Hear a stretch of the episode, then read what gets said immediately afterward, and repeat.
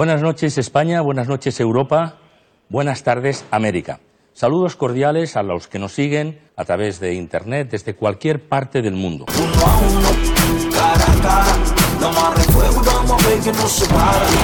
Bienvenidos amigos. Saludos, vamos con este cara a cara en el que vuelve el urbanismo. Esta vez vamos a charlar con Joan Clos. Hago un, un rápido repaso. Alcalde de Barcelona entre 1997 y 2006, exministro de Industria, Comercio y Turismo, ex embajador de, de, España en Turquía y en Azerbaiyán y desde 2010 hasta el pasado enero, director ejecutivo de ONU Habitat, un programa de Naciones eh, Unidas para asentamientos urbanos, es decir, trabaja por un mejor futuro urbano, como explica la, la propia ONU en su, web. Lo primero, muchísimas gracias por gracias. después de, esto, de toda esta retaíla de entrevistas que creo que lleva ya no, no hay durante, problema. durante su estancia. Eh, hablaremos de Pontevedra, por supuesto, pero dado que tenemos ocasión de, de charlar con usted, eh, con alguien con ese recorrido, quería también aprovechar eh, algunas cuestiones más. Um, si nos ponemos a hablar de desarrollos urbanísticos, es hablar de, de muchos desafíos. por ejemplo, eh, desafíos demográficos y desafíos eh, sociales. Y mirando a la actualidad y preparando esta charla, eh, me preguntaba, ¿cómo se actúa ante una, por ejemplo, caravana de miles de migrantes centroamericanos que van hacia Estados Unidos, ante pateras ¿no? que, que llegan al sur peninsular o ante ese movimiento migratorio, esa crisis en realidad migratoria? En el, en Mediterráneo. Sí, las crisis migratorias parece que serán eh, el gran tema del siglo XXI. Y además el origen de estas crisis migratorias puede ser por migrantes económicos, de pobreza, migrantes políticos y migrantes por uh, desastres naturales. Es decir, que uh, hay varias razones por las cuales el, el número de migrantes está aumentando, ¿no? Uh, y por lo tanto, para esto, no, no, todo esto son palabras mayores. Primero, la población del mundo está creciendo, llegaremos a 10.000 millones de habitantes, ahora solo somos uh, 7.500 uh, y decimos solo en plan irónico. irónico, ¿no? Eh, pero llegaremos seguro a, a 10.000 millones eh, y además aún hay muchas zonas del mundo con problemas de pobreza muy, uh, muy evidente. África, América Latina, eh, el Caribe, algunas partes del sudeste de Asia y por tanto todas las previsiones hacen pensar que el tema de las migraciones va a aumentar. Contra esto, ¿qué hay que hacer? Pues hombre, desarrollar las partes del mundo que aún no, no tienen niveles de, niveles de desarrollo para sustentar a su propia población, ¿no? Y esto es, es el objetivo de los objetivos del desarrollo sostenible, ¿no? Porque uh -huh. los objetivos del desarrollo como, sostenible, como su nombre indica, pretenden conseguir desarrollo, sostenible, pero desarrollo. ¿no? Y esto es un tema importante porque no va a haber, no van a descender la, la presión sobre las migraciones hasta que haya un desarrollo de las partes del mundo que además crecen demográficamente. África en estos momentos está a mil millones de habitantes y según qué previsiones hablan de que llegará a tres mil millones de habitantes. Pero imagínense usted en 50 o 70 años que haya tres mil millones de habitantes en África, uh -huh. la presión que esto representa. Por lo tanto, debemos tener una política de ayudar al desarrollo de África. ¿no? En ese caso, cuando los criterios son económicos, ¿no? si son políticos, ya y... habría que aplicar otra serie de de medidas. Sí, ¿qué quiere decir? Uh, uh, es, es, obvio que eh, políticamente se ha dado un cierto avance con una cierta democratización de estos países que están todos en una cierta transición democrática para, para, sí, para explicarlo rápido, que tendrán que profundizar en su democracia a la vez que profundizan en su desarrollo. Uh -huh. eh, Pasemos a los eh, desafíos económicos con, con otro, otra vertiente. Usted ha dicho que eh, un buen diseño urbano y responsable permitirá abaratar el precio de los alquileres y la compra de la vivienda. Eh, si miramos el panorama español, ¿significa entonces que seguimos haciendo un mal e irresponsable diseño urbano. Sí, no, no, no creo haber dicho literalmente el tema de que el precio de la vivienda lo vamos a resolver solo con el tema del buen urbanismo. Además del buen urbanismo, que es estrictamente necesario, necesitamos políticas públicas de ah, vivienda asequible. Es decir, con el mercado a solas no mm. podemos resolver el precio de la vivienda decir, el precio de la vivienda se puede hacer asequible para aquellas personas que no pueden acceder a los precios de mercado, precisamente con intervención eh, pública en el mercado de la vivienda. Y esto tiene sus, sus orígenes en el hecho de que la vivienda es un derecho humano, no es tan solo un producto de mercado, sino es también un derecho humano, por lo tanto, hay que tener políticas públicas eh, que eh, garanticen a aquellos que no puedan acceder a esta derecha, a esta vivienda asequible. El buen urbanismo ayuda a este proceso, no, no es que lo no, resuelve el problema, porque si no hay políticas públicas, por muy buen urbanismo que hagas, no, no va a haber. ¿no? Al revés, lo que sucede cuando hay muy buen urbanismo y no hay políticas públicas de vivienda es que se produce la gentrificación, ¿no?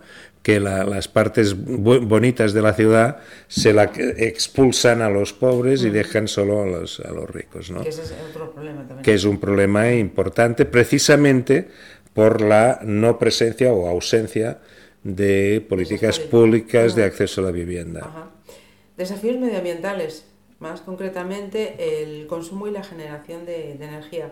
¿Qué hay que descartar y qué hay que asumir?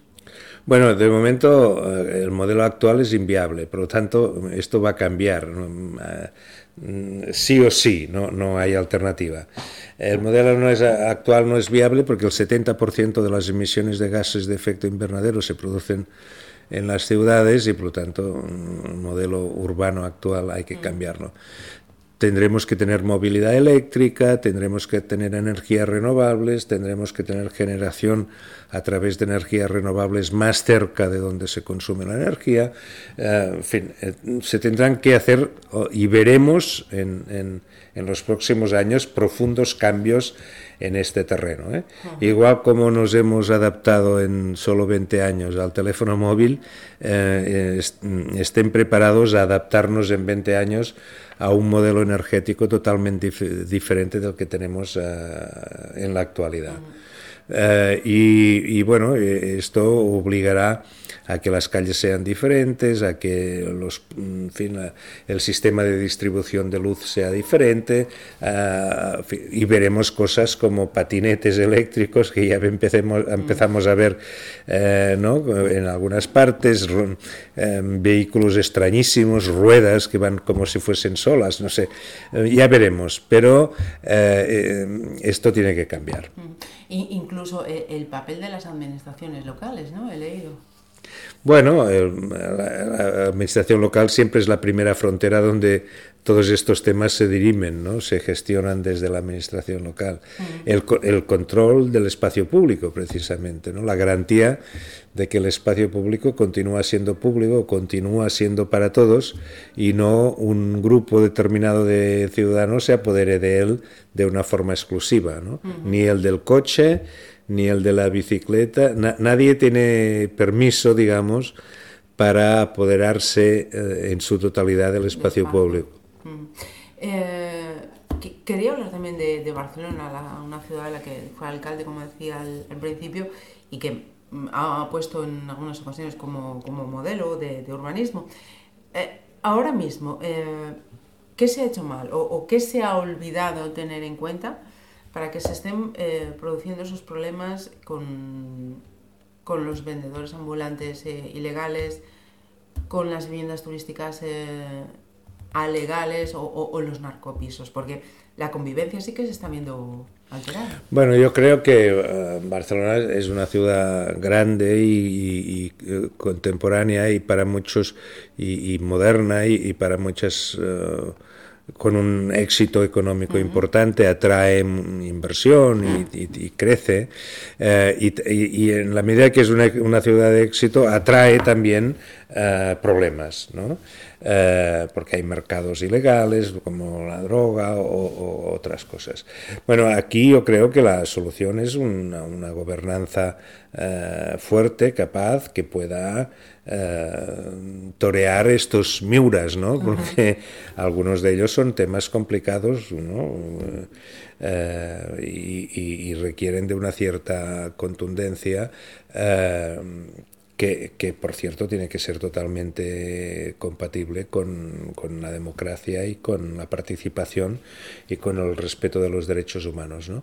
Pero, por ejemplo, en el caso del exceso de turismo, es un problema de éxito, ¿no? claro, eh, se, ha, eh, debatido, ¿no? De hecho es uno de los debates, actuales, ¿no? Como sí, sí, éxito. sí, eh, es decir, pero hay que pensar que incluso cuando tienes éxito tendrás que continuar gestionando el éxito, ¿no? Si, si resulta que una determinada actividad es excesiva o, colapsa un barrio, tendrás que mm, dirigirla hacia otra parte, o no, en fin. Manejar el tema no quedarse solo de uh, espectador.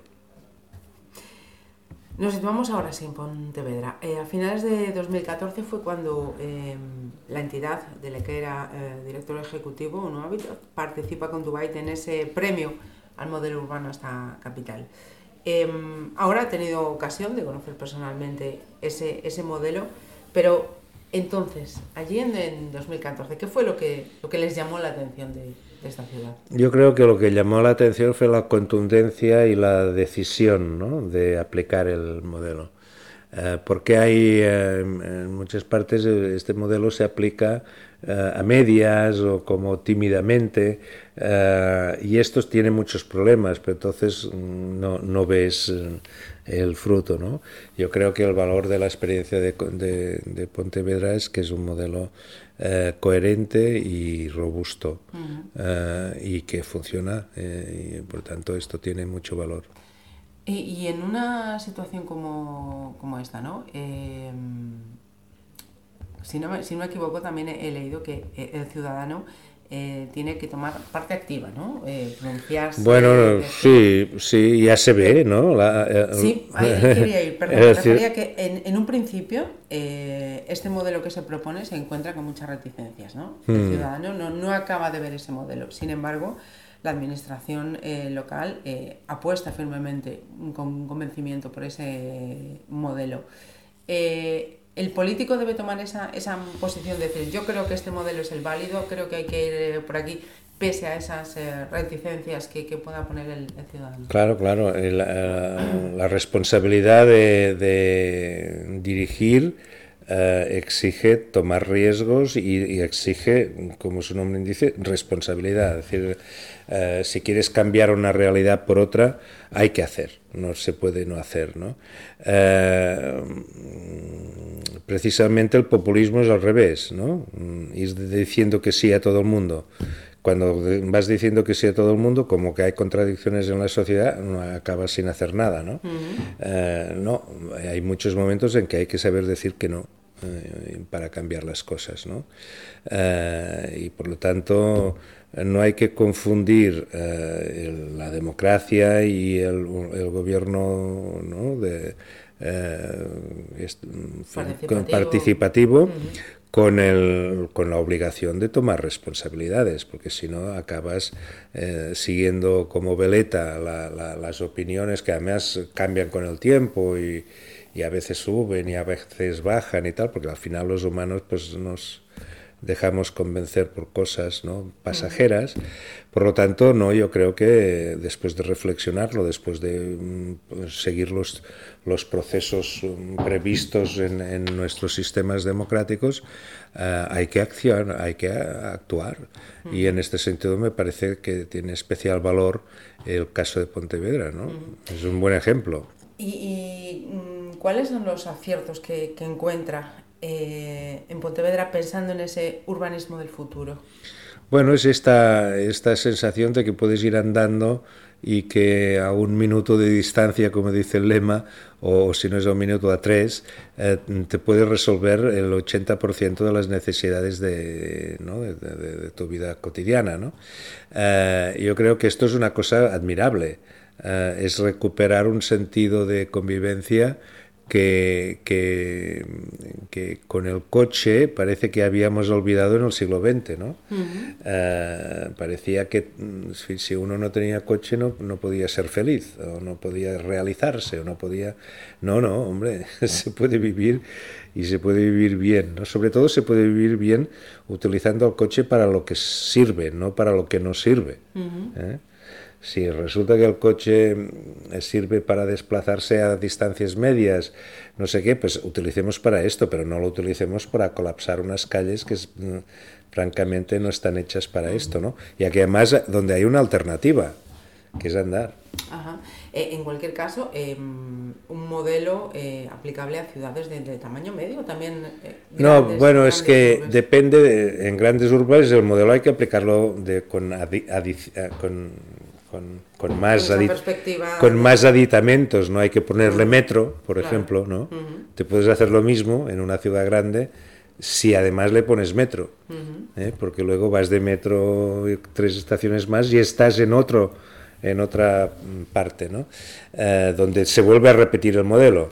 Eh, porque la gran ciudad continúa siendo necesaria y en la economía moderna parece que esto es obvio, eh, porque la ciudad es, es, la fábrica de producción de los bienes actuales, sobre todo los bienes relacionados con el conocimiento. Eh, y, lo que pasa es que lo que es la, ciudad utópica es esta donde queremos tener las ventajas de la ciudad y también eh, de, economías de aglomeración, pero también la calidad de vida de una comunidad donde se puede hacer eh, conociendo al vecino. ¿no? Eh, dos cuestiones más. Eh, ¿Cuáles serían eh, los desafíos que tendría, después de que ha conocido la ciudad y que conoce este proyecto de ciudad, que tendría hacia el futuro Pontevedra? Bueno, yo creo es el, el tema de, de, Pontevedra es muy interesante porque continúa creciendo en términos de población y continúa creciendo de una forma clara en empleos. Uh -huh. Por lo tanto, es, es, un éxito en este sentido. ¿no? Seguramente el tema que le quedará eh, algún día es, es empezar a pensar en el ámbito metropolitano porque eh, pues llega un momento en que el, el efecto irradia ¿no? hacia, eh, hacia el entorno y la tendencia sobre el incremento de la urbanización a nivel mundial continúa siendo válida también para Galicia, creo yo. Uh -huh. Por lo tanto, yo creo que el reto para Pontevedra será la estructuración territorial en su área metropolitana. Uh, que llevará a otras consecuencias, ¿no? tendrá otros problemas, pero bueno, seguro que los que les toque en aquel momento uh, resolverlos se podrán inspirar en una, un buen modelo para el centro de la ciudad. Mm. Y decía usted antes en la comparecencia de, de prensa que eh, cuando hay unos espacios eh, públicos eh, cuidados, los ciudadanos son eh, más empáticos, más solidarios.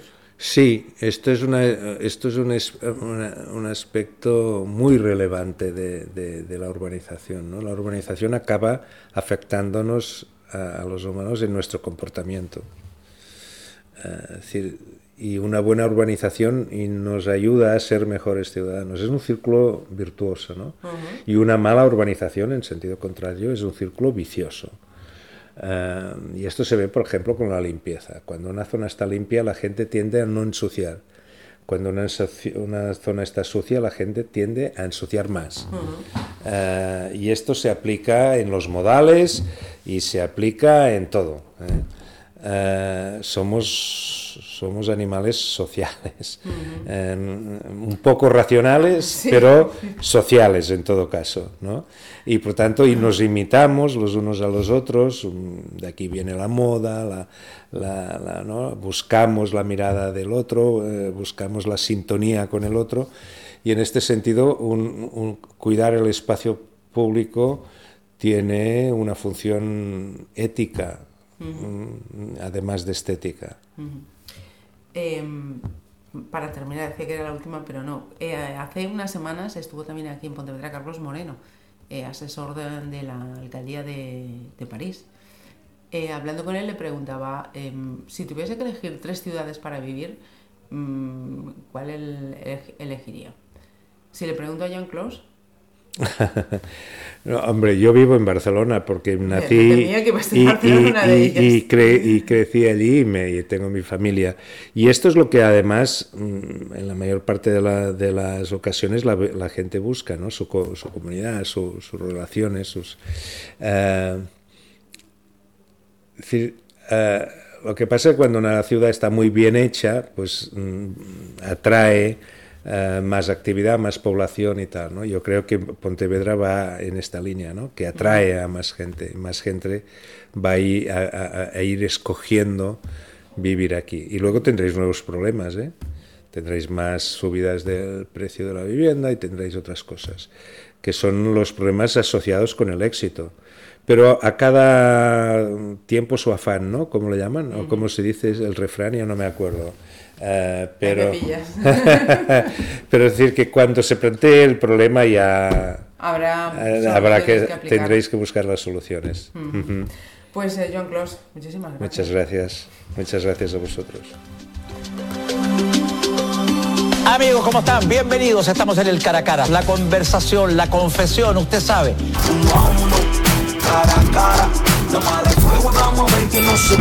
A. Cara a cara. Pontevedra Viva Radio. Oh.